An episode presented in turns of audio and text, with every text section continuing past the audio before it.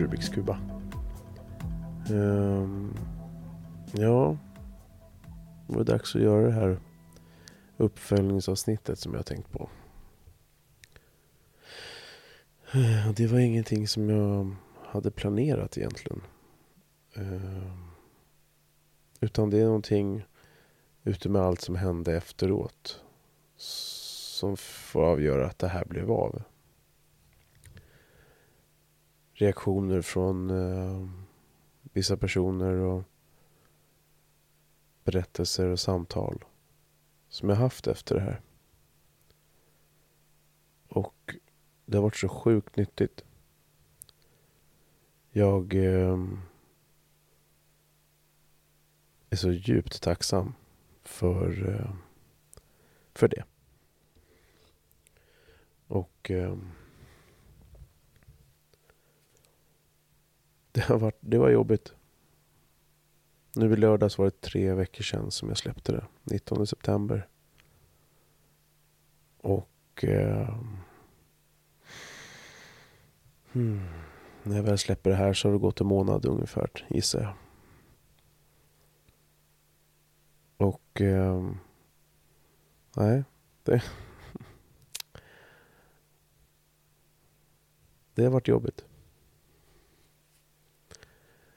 De första två veckorna kände jag ingen eh, riktig kraft. Det var mycket annat också med familj och jobb och så. Men, men eh, jag kände ingen, eh, ingen ork eller kraft att, eh, att göra någonting med podden direkt. Eh, och, så, och, så, är det. Det måste få ha sin gång. Det får ha sin... Jag släpper inte varje tisdag ett nytt avsnitt utan jag släpper avsnitt när jag känner att jag vill släppa avsnitt. Um, och det var, det var skönt att ha en sån period också. Där man inte behövde um, pressa fram någonting för sakens skull utan det är någonting som jag också har bestämt mig för väldigt tidigt. Att inte ha en exakt tidsplan. Utan eh, köra på känsla liksom. Och jag vet ju själv hur det är som poddlyssnare så vill man ju gärna ha sitt. Man ser fram emot sitt avsnitt. När det nu kommer. En gång i veckan eller vad det kan vara. Men eh, jag är fortfarande liksom i rookie-stadiet och eh, måste känna mig fram och måste göra det. Jag, jag, för mig är det vad det än är i livet. Det är en middag, det är eh, jobb.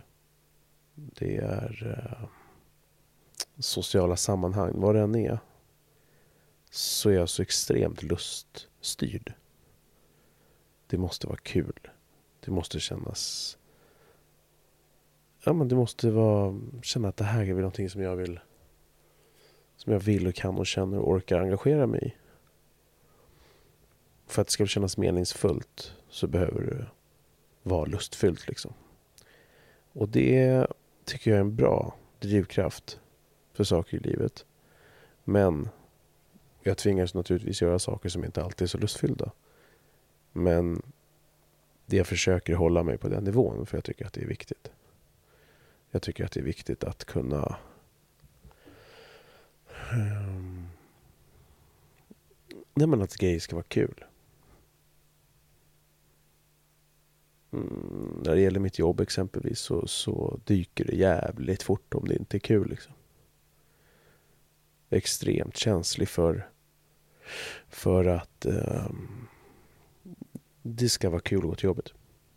Är det inte kul, är det inte nästan skuttande kul hur trött och jävlig jag än är så då sjunker den kraften och den glädjen att gå till jobbet liksom väldigt fort. Så att, eh, och, det, och det kan ju som sagt vara lite jobbigt också. Man måste ju också kunna ha det jävligt tråkigt och tycka att det är jobbigt. Men eh,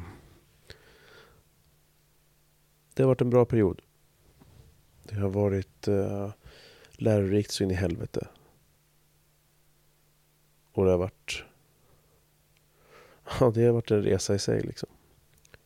Så därför har jag inte haft någon ork. Eh, nu släppte jag ett eh, avsnitt här för ett tag sedan. Eller vad fan, för ett tag sedan, igår. Ehm, del två med Sebbe.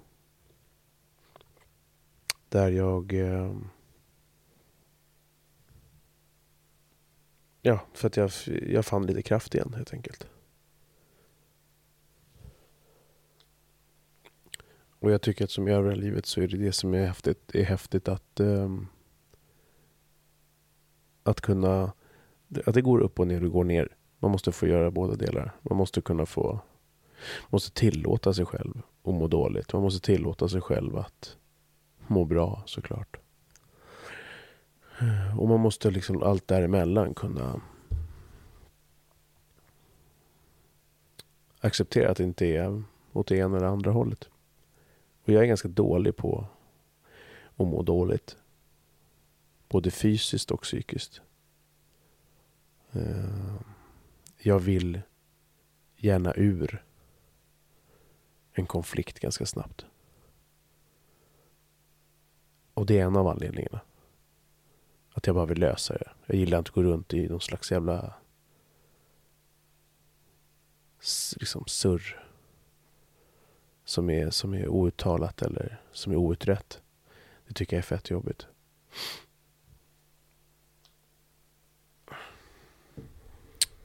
Så, jag var tvungen att stänga av lampan. Stod och brumma. Um, hur som helst. Um, det har varit sjukt nyttigt. Uh, och jag tänkte jag skulle berätta lite hur det har um, varit och, och, vad som hände de här dagarna efter det här avsnittet. Um, jag släppte det här på en lördag. Jag fick eh, ganska omedelbart eh, respons redan på söndagen från några stycken. Och sen har det varit ganska tyst. De närmsta liksom som Nej, inte alla närmsta, men, men eh, några nära som jag hade förväntat mig respons från. Människor och andra nära som jag hade förväntat mig mer av. Ehm, och det är en förväntning att anta saker och förvänta sig saker. Det kan vara farliga grejer.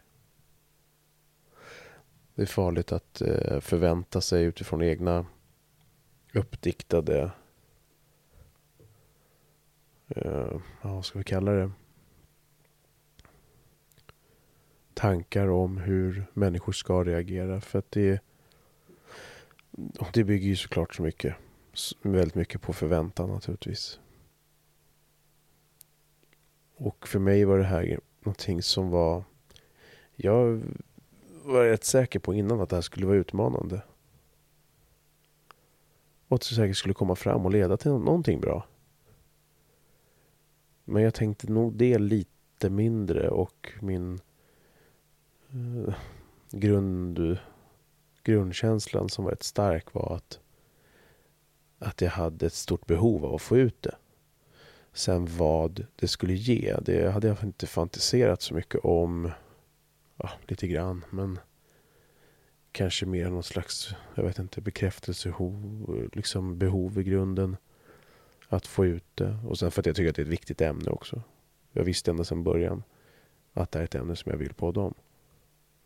Det här är ett ämne som jag definitivt tycker att vi behöver prata om. Och som är känsligt. Och både på reaktioner som också kom men också reaktioner som uteblev. Så märkte jag att det var jobbigt. Så att det var liksom en blandning av eh, tårar, otroligt mycket frustration och ilska. Och så jävla arg.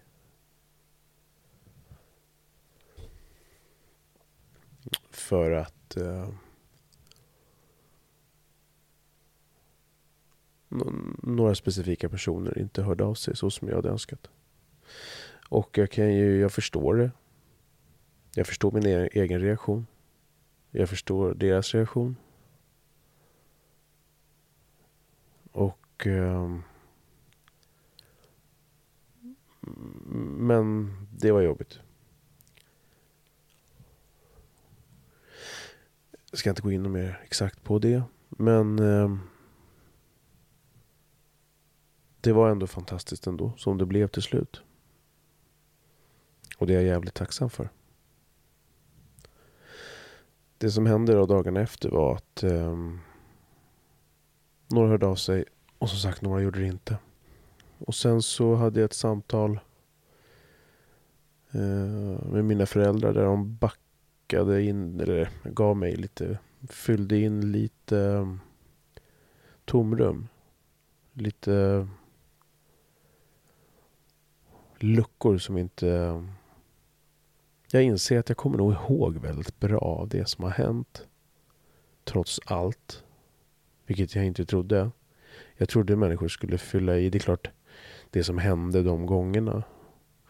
När väl övergreppen skedde. Det är ingen annan som vet än jag. Men vad som hände runt omkring har människor lyckats backa upp och fylla i luckor väldigt väl. Och jag inser då också att jag faktiskt kommer ihåg väldigt mycket.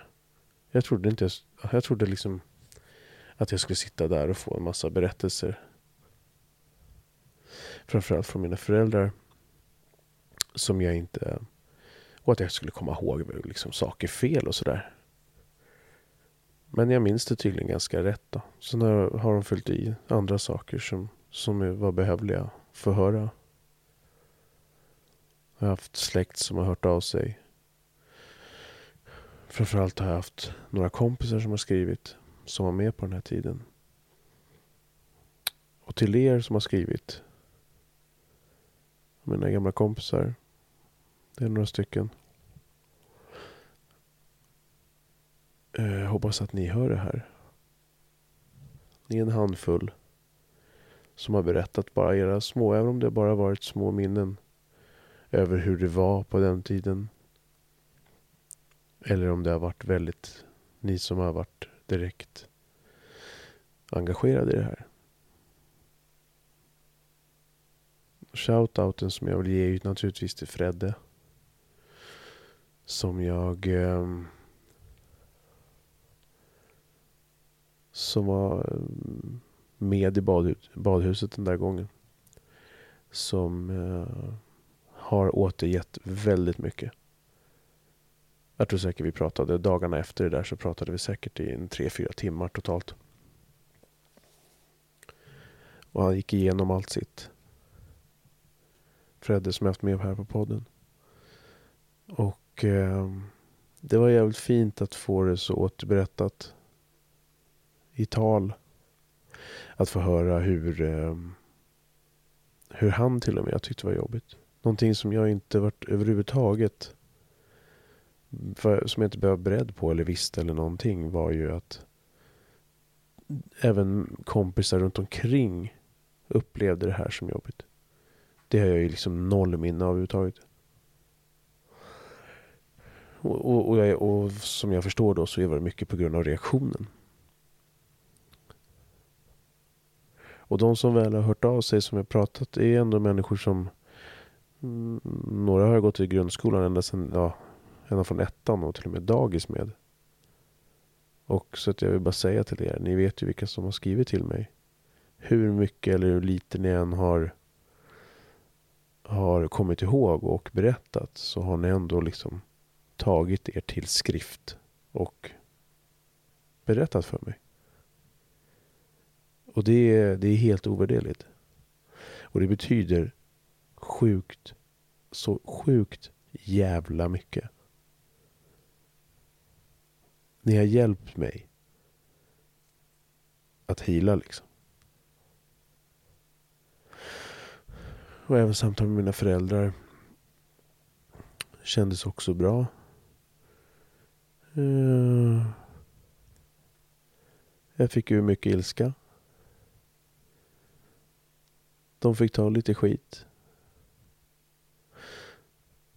Eh, både välförtjänt och oförtjänt. Men eh, det får ni ta.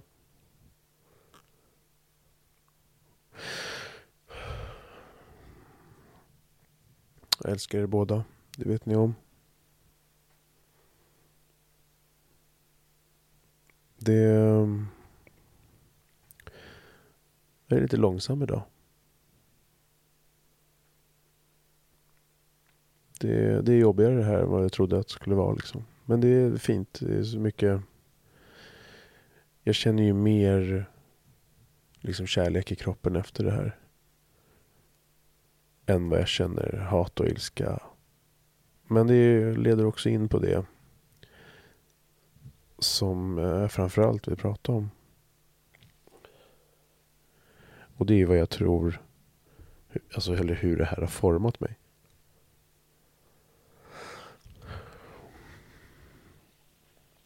I samtal med mina föräldrar så frågar jag hur, hur var jag som barn liksom. För att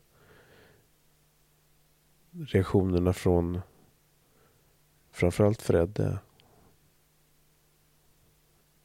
var att han, han liksom så detaljerat berättar hur han märkte liksom diskrepansen mellan mig eller på, på, eh, på mig innan och efter. Och berättade hur liksom att han kommer ihåg en sån tydlig skillnad. Så, och det jag har gått och funderat på alla år är så här hur um, hur har det påverkat mig? Jag, alltså, jag har väl tänkt tanken att mitt, mitt liksom, min ilska och min vrede jag känner i kroppen kommer ju någonstans ifrån. Men den, jag var ändå ganska ung. Jag var ju liksom 11-12 bast någonting. Så att jag har ju liksom i 25 år varit som jag har varit så att säga efter det. Vänta, nu måste jag pausa och dricka lite. Så det har, det har gått så lång tid så att det, det, det är svårt att, äh, att minnas nå, någonting annat liksom. Strax innan, innan tonåren så, så, så händer det här. Och sen kommer ju liksom livet igång på riktigt så att säga. Eller mm, ni fattar. Och, och så, så, så, mina minnen liksom Jag har ju alltid den, den känslan att jag har haft en vrede och ilska liksom. Och när jag frågar mina föräldrar Så säger de att ja, men, ja, du var inte Du var inte arg, mer onormalt arg än någon annan. det är så jävla Alltså det här är ju jag kan ju inte härleda, det känns ju så otroligt. Så att det, det, det, det är så troligt att det är så här så det går, det går inte att liksom... Eh,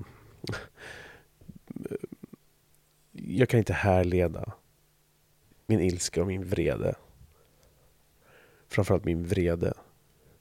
Mitt jävla ursinne som har gjort att jag har gått runt med liksom mjuka knogar i många år för att jag varenda dag bara har slagit mig ur min frustration. Liksom. Var den kommer ifrån, det, det, det är liksom, det, jag tror inte att det finns, det kommer vara jättesvårt att till hundra procent säga att ja men det här beror det på. Det här och, och ingenting annat. Men det är en kombination av saker naturligtvis. Eh, jag minns ju situationen när jag var liten när jag, när jag lackade över grejer. Så att jag har alltid den haft den bilden av att jag har lackat extra mycket. Men det kan vara så att det var en brytpunkt där när det här hände. Och då... Den oförrätten som jag ansåg att jag hade blivit utsatt för liksom, fick mig att på något sätt försöka processa. Och nu i vuxen ålder så tänker jag att det här har jättemycket att göra med min liksom otroliga kåthet på att processa. Att försöka processa. Det är också en kombination av saker naturligtvis. Men att känna att jag, jag behöver och jag vill Och jag strävar efter att aldrig fastna. Utan att processa, jobba, jobba med grejer. Är det någon som dör, är det någonting sorgligt, jobbigt så, så processa, processa för att jag vill ur det. Jag vill inte stanna kvar. Jag hatar att leva kvar i någon känsla som jag av allt att döma det jag gått igenom i livet, förutom just den här biten då, så vill jag inte stanna kvar och stå och stampa utan jag vill gå vidare. Och har man då inte gjort det med en sån här grej som händer så kan jag tänka mig att att det kommer ut på det sättet. Att det ger sig uttryck genom att vilja inte stanna kvar i saker. Att känna mycket vrede. Att gå helt lös på saker. Jag minns en gång när jag skulle... En kompis jag inte outat som jag... Jag vet inte. Om hon vill det. Jag tror jag inte haft så mycket kontakt de sista åren. Vilket är en stor sorg. Men eh, jag har pratat med henne och förhoppningsvis så ska vi snacka igenom saker och ting. Men det är ju en eh, nära tjejkompis som jag växte upp med. Från, ja jag minns inte hur gammal jag var, skitsamma. Men som var den personen som berättade för min mamma och min pappa. Och ehm, och det... Det var ju helt liksom avgörande. Så jävla stöddigt av en tolvåring att gå hem och bara berätta för mina föräldrar den här skiten. Att känna det behovet. Och det har jag också vetat någonstans, tror jag. Jag vet inte till hundra, men jag tror det. Och det att en, att en 12-årig tjej gör det här liksom, för sin kompis. Vi var ju sjukt tajta. När vi var små tonåren liksom. Och jag fantiserade om att hur hade det blivit om det inte hade blivit något. Om hon inte hade berättat. Vad fan hade hänt då? Om det här aldrig hade kommit fram. Hur hade det blivit då? Hur hade jag blivit då? Ja, jag vågar inte ens tänka på det jag tänker att det åtminstone blev någon typ av ventil av att i alla fall få det sagt. Sen att jag inte sa mycket, att jag inte satt hos psykolog och polis och inte fick, ut mig, fick ur mig ett ord. Det är en sak, men eh, att ingen hade fått höra det. Och jag har ju pratat om det lite grann och lite smått hit och dit med någon här och var under de här 25 åren. Men i stort sett annars så har jag inte gjort det. Men den här tjejkompisen i alla fall, hon eh, berättade ju.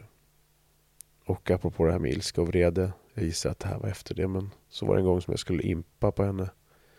Gå upp på bakhjulet på cykeln. jag minns den här cykeln. De var lätt aluminium. Det var när de var ganska nya. Innan var det ju ganska liksom, tyngre. Stålram. Det här var en aluminiumram. Jag kommer ihåg att ramen, den del av ramen där vi killar alltid slog pungen i när vi, vi åkte framåt. Eh, den som går mellan benen om man står upp på hojen så att säga. Inte på trampen utan på marken. Den ramen, själva cykelramen naturligtvis, men, men den var jävligt tjock. Den var liksom otrolig. Fan en decimeter i diameter liksom. Så det var en en sån jävla fin blå skinande hoj. Eh, och den hade farsan, om jag minns rätt, hade han sålt, fixat ihop och sålt en dator så att han skulle köpa den till mig.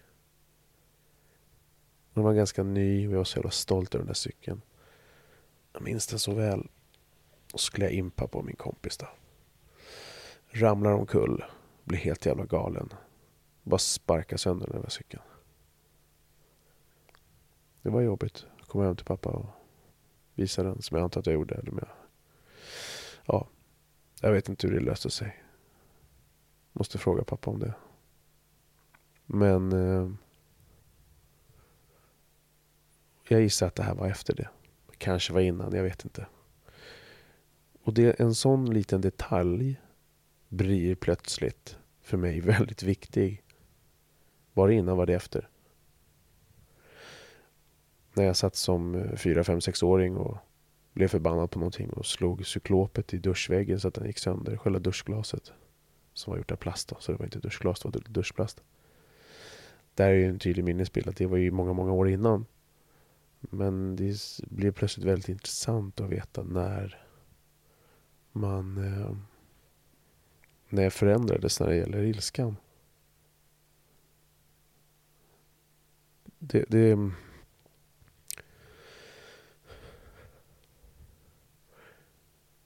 men det är någonting i alla fall som har återberättats för mig. Och framförallt dig Fredde. Och eh, jag är så djupt tacksam för det. F för bara den förståelsen som jag plötsligt får för mig själv av en sån här grej.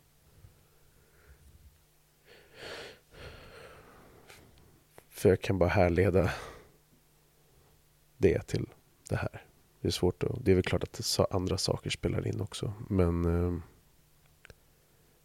det kändes liksom på något sätt Fast det var så, har varit så jobbiga veckor efter släppet av det här avsnittet så Dels var det så skönt att berätta för människor som har varit eller är mig nära. Och sen för att det är en viktig grej att prata om.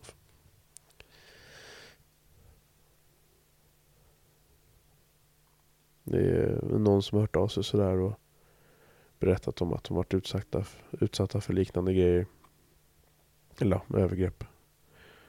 Och jag menar, kan det hila mig och det kan vara någon som får någon tanke om någonting så, så är det fint. Och de kompisar som bara varit på sidan om och hört av sig och berättat att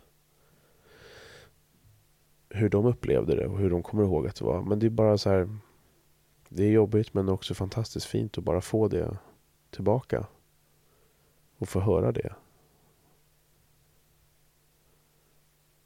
Det är så jävla viktigt att prata om sådana här saker. Superviktigt. Så... Um, ja. Jag... Um, mm. Sen är man väl olika som person. Alla är olika. Jag har alltid haft det där nära till hans. Och när, när det brinner av när, det brin, när, när, när någonting går åt helvete. Och det kan vara beroende på dagsform, det kan vara beroende på stressad, pressad, eh, trött, eh, allt möjligt. Så, så kan det bli en ännu sämre dag liksom. Men det som händer och som ilska gör att eh, som, det är som tudelare. Rent krast, jävligt svepande så 50-50. 50-50% förstår, 50% förstår inte alls. Även om man kan förstå så har man inte varit i det ursinnet. Där jag ser, och det här har blivit, nej jag, har ju gjorts på samma sätt genom alla år tror jag. Men för att jag inte vill att det ska gå ut över andra. Att jag inte vill att det ska gå ut över Ja, för jag vill inte slå. Jag har slagit och sparkat så mycket i mina dagar så att jag har både spräckt liksom tår som gav mig lång år, många år problem. Jag har eh, fått problem med, med, med händer och, och, och handleder liksom för att jag tappar sin, tappar sin, tappar det liksom. Och, och det enda sättet är som, tänk dig lite när Hulken blir arg. Den känslan blir det. Och det enda sättet för mig nu. Det enda jag har framför mig nu. Det är genom att få ut det. Och då måste någonting. När jag var yngre så var det alltid. Någonting måste gå sönder. För att jag inte ska gå sönder så måste någonting annat gå sönder. Och då har det varit dörrar, speglar, fönster. Det har varit sem- ja, vad är det, hur mycket som helst. Varenda dator, varenda tangentbord, varenda TV. Någonting har till slut liksom rykt. Klart att inte det är bra. Men när det händer så blir det som spänning i kroppen. Och, du och jag liksom knyter nävarna och bara spänner armarna så att jag skakar. För att... Och någonting jag börjar med sista åren är att det är att vråla. Det hjälper. bara skrika ut min frustration liksom. Och skrika det fulaste jag bara kan. Det i kombination med att bara spänna nävarna och bara liksom så kan jag ibland lyckas förhindra att jag inte drar nävarna i väggen.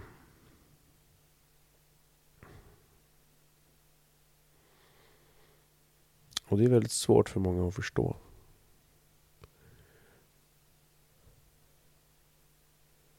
Och jag förstår också, för jag vet hur det är att stå på sidan, hur problematiskt det kan vara att ha någon framför en som är galen och som slår i grejer och skriker och gormar. Det är jobbigt. Men, men det finns liksom inget annat sätt. Lika lite som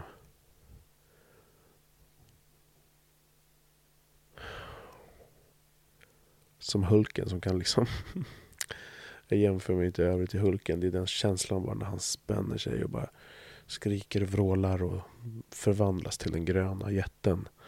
Liksom den... Det är en sån kraft, alltså det är en sån jävla kraft. Och har man inte känt den och vet vilket jävla raseri som bara, det bara svartnar. Och det enda sättet är liksom att få ut det på är att bara gå lös på någonting. Då är det jävligt lätt att stå där bredvid. Och jag förstår i ren panik att man bara försöker lösa situationen. Man har en jävel framför sig som bara tappar det liksom.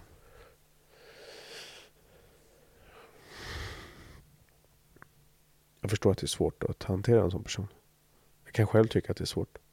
De få personer jag känner som är så. Det, det kan vara obehagligt liksom. Även fast man aldrig, jag har aldrig varit rädd för de jag har framför mig. Att de ska gå lös på mig. Men det är ändå, kan ändå vara obehagligt när de står och är helt galen. Så jag fattar det. Man behöver också förstå, ilska är ju någonting. Det är vi ju som kultur, är vi ju, suger vi ju hästkuk liksom, på att hantera ilska. Eh, konflikträdsla och ilska är ju liksom det är vi jävligt dåliga på. Och det är också någonting, så som jag också alltid upplevt att det är någonting som är fult. Och grejen är att för mig är känslan ilska, frustration, vrede. Det är också en sån jävla livskraft. Det är också någonting som liksom det som jag tycker är rätt och fel. Det är det där jag går igång. Det, det är då den, det kopplas in liksom. Inte nödvändigtvis, nödvändigtvis vreden och vreden då, det är ju liksom, det, är det som när det bara svartnar. När, när, när, när, när det inte finns någon annan lösning än att bara liksom skrika, vara ful i munnen, skälla ut någon, sparka, slå i något. Det är mm, liksom inte den bara, utan det är också den här um, ilskan kickar igång mig att nu är det någonting som är knas. Så här gör du inte mot någon annan eller mot mig. Och det kickar igång liksom. Vilket också gör att jag, vilket jag verkligen har förstått. Jag har tänkt på det. Jag har märkt det i samtal med andra när människor vill förklara att jag har varit med om ditt eller datt så märker jag ju, och vilket jag har sett och liksom märkt men inte riktigt förstått till hundra procent hur mycket jag tar på mig det som de har varit med om och reagerar för att inte vara min berättelse, för att inte vara liksom jag har egentligen inget känslomässigt med det här att göra. Men att oförrätten i sig gör att jag reagerar så starkt att oftast så blir jag mer arg. Så att i samtal med människor där de berättar att någon har varit taskig, sagt något taskigt, eh, glirat och så vidare. De som har lyssnat på kanske mitt första långa samtal med Alex så pratade vi om vikt och längd och allt det här. Det får ju mig liksom att knyta näven och jag, och jag känner ju bara att ett, ett liksom ett hat i kroppen för små handlingar som såklart är viktiga men som kanske min reaktion står inte i paritet till handlingen. Jag kastar ju dödsdomar till höger och vänster. Jag kan liksom kalla folk för dumma i huvudet. Jag liksom kan säga saker som är jävligt otrevliga för saker där någon annan typ inte ens skulle rynka på näsan. Och det tror jag också kan härleda till det här. Att jag blir så liksom känslomässigt engagerad när du berättar att någon jävla fitta på jobbet har försökt sätta sig på dig. Så att det enda jag kan fokusera på nu det är att även om det inte är din strategi så vill jag att du går dit imorgon och inför alla andra, för det är det han, försökt, han eller hon försökt göra på dig igår, så går du bara dit och trycker ner det där jävla aset ner i sulorna. Så att fanskapet går hem, knyter en snara och hänger sig. Det är liksom det, är det enda jag ser. Det är det enda jag känner, det är det enda jag vill förmedla. Det är det enda som jag tycker är rättvist. Gissningsvis därför jag också älskar dödsstraff. Jag älskar att titta på videos där man ser klart och tydligt hur exempelvis poliser skjuter ihjäl någon som attackerar dem. Jag känner bara ett sånt jävla... Jag känner bara så här är mitt rättspatos. Här är det liksom... det här älskar jag. Jag älskar det här. Jag har sett så mycket sjuka videor genom mitt liv. Eh, Eh, där det kan stå en text att de har tagit en snubbe för våldtäkt i deras lilla by. Och när han är fullt levande så kapar de huvudet på honom. Och jag kan sitta och titta på den videon och bara känna Yes. Där fick du. Eller när någon jävlas med någon i en kö och börjar tjafsa om någonting.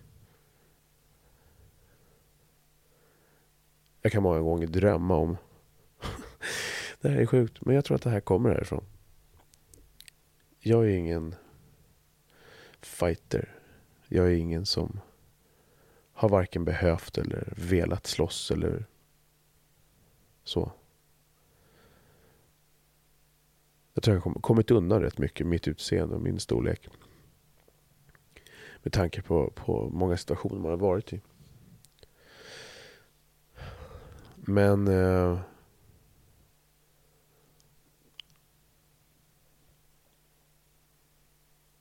jag kan gå och fantisera om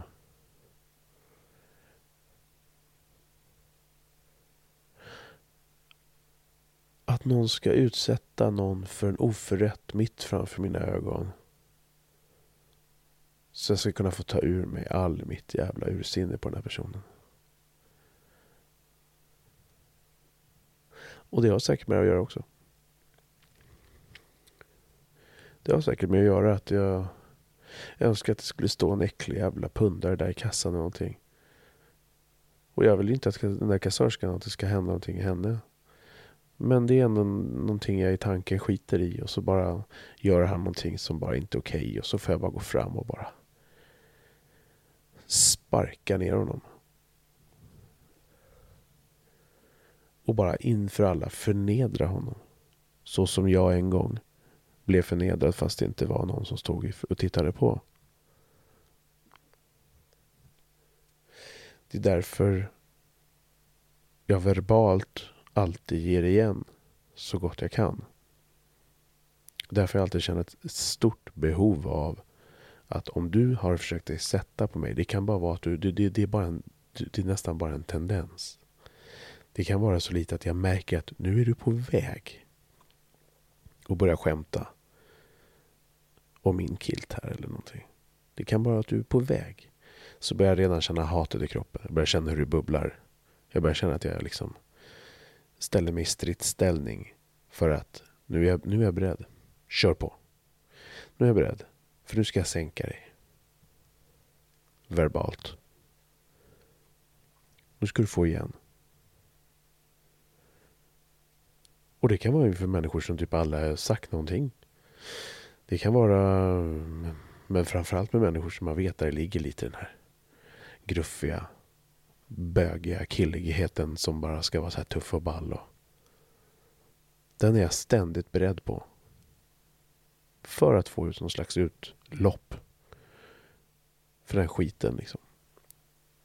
För att om du utsätter mig för en oförrätt, då ska du fan få tillbaka. Och det är också därför jag reagerar väldigt starkt på när barnen berättar någonting. Jag försöker att inte reagera för starkt för jag vill inte att de ska bli avskräckta eller för att det bara alltid är samma opedagogiska svar från pappa. Ge igen. Men det är så viktigt för mig att de lär sig det. Och det tror jag är viktigt. Sen kanske man inte ska behöva göra det lika hårt. Som jag i tanken tänker och ibland utför, gör liksom. Men att det jag lär mina barn hela tiden och som är återkommande när folk skulle berätta, när folk berättar för mig en lite minsta lilla grej på jobbet eller någons förälder har gjort någonting eller vad det är. För mig är det så här, skit, jag skiter i relationen. Förgör, förgör, förgör. Och det här är också någonting i relationen som gör att jag Alltså jag ser ingen skillnad på om du liksom om du är släkt eller vi är kompisar eller du är någon tillfälle som går på gatan. Det är klart att man har mer tålamod, man är mer förlåtande för vissa människor som man på riktigt tycker om. Men för mig är det skitviktigt liksom att inte se skillnad. För mig är det handlingar, det är det. Och mer eller mindre de flesta, inte alla, men mer eller mindre de flesta relationer är för mig färskvara liksom. Det är vad du gör och säger som betyder någonting. Att vi liksom har way back tillbaka. Det är i sig, det är klart att det finns ett värde i det. Men det är inget, det, det står och faller inte med att vi har en lång historia. Det som det står och faller med, det är vad du gör. Liksom. Så för mig är det superviktigt i alla relationer. Ytliga som djupa att kunna säga att jag tycker att du är helt jävla dum i huvudet. Det är för mig skitviktigt. Det är skitviktigt för mig. För att jag ska kunna gå och sova på kvällen. Att jag får tala om för de grupper och för de personer som jag tycker är efterblivna. Att de är efterblivna. Jag kan gå ibland kanske alldeles för långt i den hysteriska jakten på att få säga det jag känner. Så att det, det kanske blir lite osunt.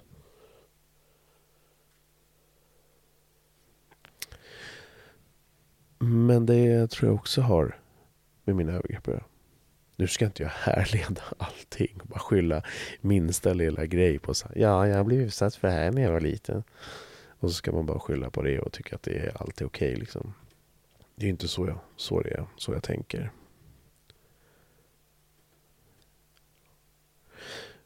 Men... Eh, ja. Det, det är så jag tänker och det är det jag tror. Att det är så har det påverkat mig. Jättemycket. I min eh, strävan efter det är så jävla töntigt för jag är så orättvis och skiter fullständigt i rättvisa i andra saker. Men i min jakt på rättvisa, ska vi kalla det så. nej men så, så um, tror jag verkligen att det här är en stor del av det. Att känslan i mig när någon berättar och någon oförrätt som de har blivit utsatta för. Det, det tar över fullständigt. Att den känslan blir så stark. Så att jag blir helt förblindad. Jag, jag märker ju när jag tänker på tillbaka på det också. Så är det enda första jag tänker när jag bara hör tendensen. Likadant som när jag hör någon ska skämta eller försöka vara lustig på min bekostnad inför någon annan. Lika mycket som det bara liksom det, det jag surnar till efter bara några mening, någon mening eller några bokstäver, några ord. Och jag märker, jaha, är det här hållet det barkar åt? Så sunar jag till när jag hör historien. Någon när de berättar om någonting som de har blivit utsatta för. Och att de har blivit ledsna. Och de kanske inte vet vad de ska säga eller göra. Så det enda jag fokuserar på, mitt enda mål, sen om det är mina barn, en kollega, en kompis eller en släkting, vem det än är. Så mitt enda mål är så här, förgör, förgör, förgör. Mörda mentalt. Och jag kan känna ett sånt hat. Jag kan, jag kan gå och förakta människor. Eh, jag jobbade ihop förut, för massa år sedan med ett jävla CP som... Eh, jag gick och hatade honom säkert i tio år. Och jag, det dränerade mig. Dränerade mig så hårt liksom. Jag är sjukt långsint. Jag är så in i helvete oförsonlig, oförlåtlig och långsint. Små, små grejer kan ligga kvar hos mig länge. Det kan räcka med att jag, att jag tycker att du inte är rakryggad och säga vad det är som gäller. Det är något av det värsta jag vet. Att du inte talar om vad i helvete som är fel.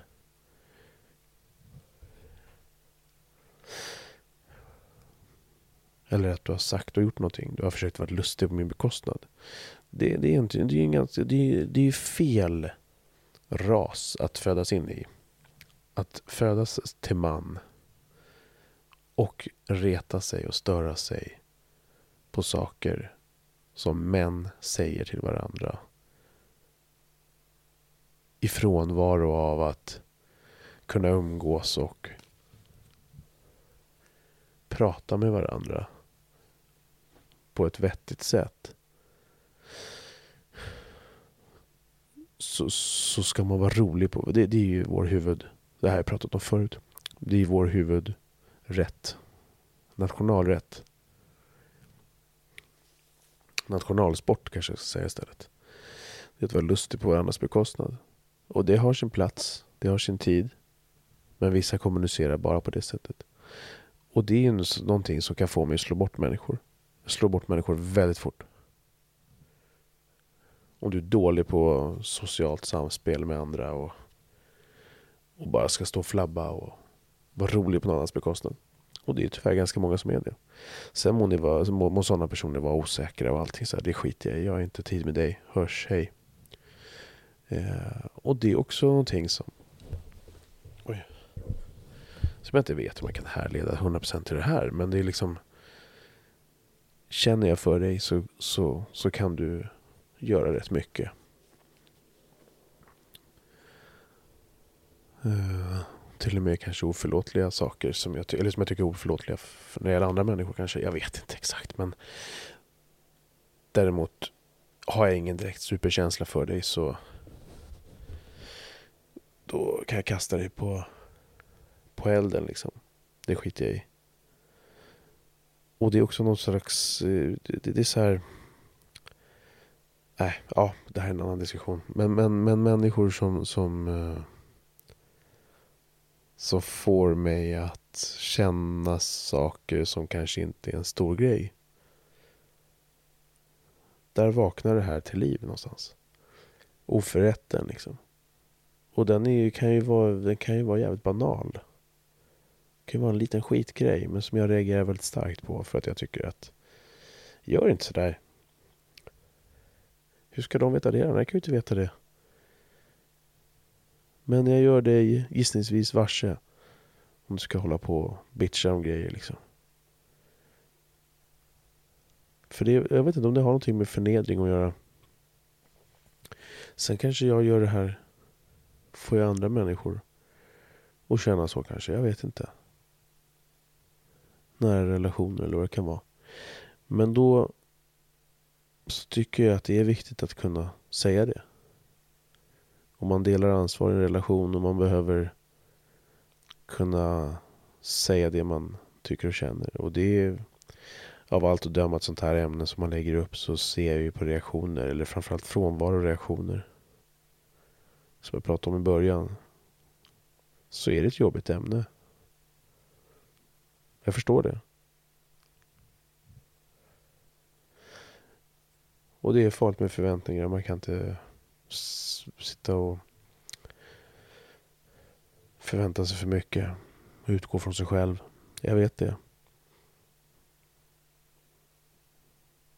Men jag önskar att vi kunde vara lite bättre på att prata om sånt här.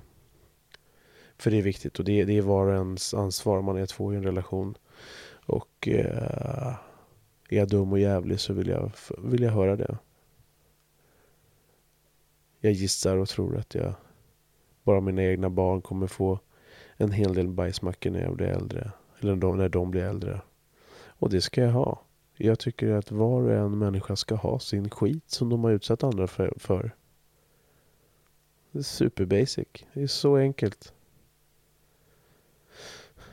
Man ska kunna ge och ta skit. Och det är inte så lätt. Alla gånger. Ja, nu blev det här ganska långt. Men eh, ja, jag har säkert glömt någonting. Får köra ett tredje avsnitt om det är så. Ehm, jag vill i alla fall bara tacka till de som har hört av sig återigen. Och, eh, och från liksom djupet av mitt hjärta till de som jag har pratat med om det här. Att ni ska veta att eh, ni har hjälpt mig. Ni har healat mig. Och för det så har ni min tacksamhet. Liksom. Forever. För det är ju bara via liksom en förståelse för var man har varit som man kan förstå var man är nu och vad man kan göra av det liksom.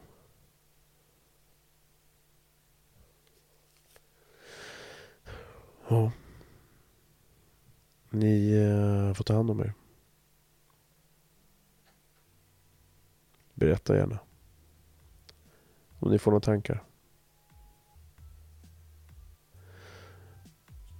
Tack för idag. Ha det bra. Hejdå.